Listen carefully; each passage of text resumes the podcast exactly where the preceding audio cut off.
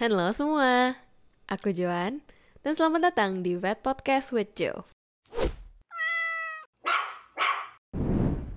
Oke, jadi mungkin ini merupakan topik yang masih sering dipandang sebelah mata oleh para pet parents, yaitu adalah kesehatan gigi anabul kalian. Coba ya sekarang, kalau misalnya kalian yang dengerin ini lagi peluk anabulnya, coba buka mulutnya dan cium aroma mulutnya. Hmm, mantap sekali bukan? Sekarang, coba kuakan bibir sampingnya dan lihat gigi gerahamnya kalau misalnya giginya udah tidak berwarna seperti gigi atau kelihatannya kayak ada kerikil-kerikil menggantikan posisi gigi anabul kalian, itu berarti gigi anabul kalian udah parah ya bunda.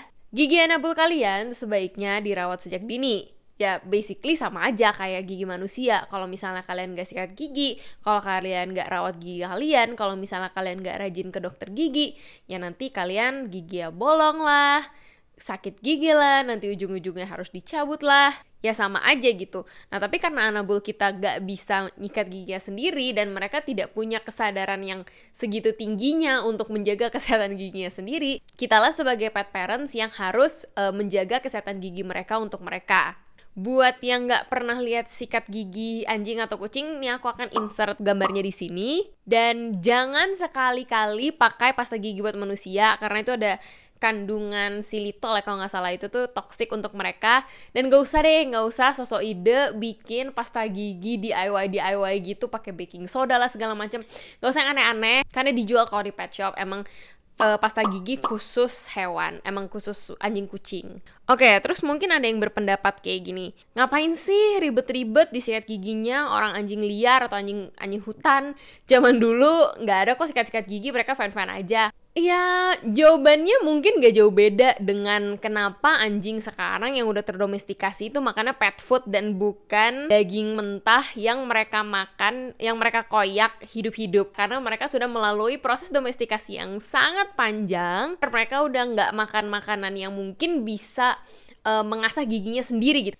Terus kalau misalnya dibandingin sama anjing liar, ya mungkin mereka sebenarnya apa-apa, mereka tidak tidak apa-apa, cuman ya karena mereka anjing liar kan tidak terdeteksi. Dan tentunya kita harus menjadi owner yang bertanggung jawab and we want to give what's best for our pets. Oke, terus mungkin buat yang ngerasa, aduh repot banget, harus sikat gigi, terus misalnya susah karena anabulnya nggak biasa, jadi dia nggak mau atau misalnya kalian takut digigit misalnya kayak mungkin hewannya agak agresif kalau misalnya dipegang mulutnya. Karena kalau misalnya mereka emang udah ada sakit di giginya atau di rongga mulutnya itu biasanya mereka akan cenderung marah gitu ya. Karena ya emang sakit gitu. Nah kalau misalnya emang kondisinya tidak memungkinkan untuk sikat gigi kalian bisa kasih kayak semacam chew toy apa sih kayak mainan yang emang khusus untuk gigit-gigit atau kayak dental stick gitu yang agak keras yang emang didesain untuk membantu membersihkan plak-plak yang terbentuk di mulut mereka. Nah, kalau misalnya plak-plak ini tidak terbersihkan secara sempurna, itu akan membentuk kalkulus. Nah, apa itu kalkulus bedanya sama plak? Kalkulus adalah plak yang sudah mengeras. Tahu kok kalau misalnya plak itu bercampur dengan mineral yang ada di air liur, dia akan mengeras dan membentuk kalkulus. Nah, kalkulus inilah yang kelihatannya kayak kerikil ya, yang kayak udah ngebungkus gigi anabul kalian kayak item-item coklat ijo Pokoknya kayak udah nggak kelihatan kayak gigi deh. Nah itu udah parah dan unfortunately kalau misalnya udah terbentuk kayak gitu, gak akan ada satupun dental stick yang efektif. Itu harus kalian bawa ke dokter gigi untuk dilakukan dental scaling. Dan kalau misalnya udah rusak giginya udah goyang ya harus diekstraksi atau dicabut. Dan aku sangat menyarankan buat kalian untuk melakukan tindakan pencegahan aja ya. Lebih baik kalian rutin menjaga kebersihan gigi anabul kalian karena dental scaling dan dental extraction di anabul itu tidak murah ya. Jadi kalian jangan kayak aduh gigi udah parah terus dental scaling atau harus diekstraksi terus kayak aduh mahal nggak mau. Like ini aku udah kasih tahu nih dari sekarang buat yang ngedengerin ini. Coba cek anabulnya sekarang lihat giginya. Masih kalau misalnya masih bagus ya syukur. Kalian bisa melakukan pencegahan. Cuman kalau misalnya udah parah ya mau nggak mau gitu.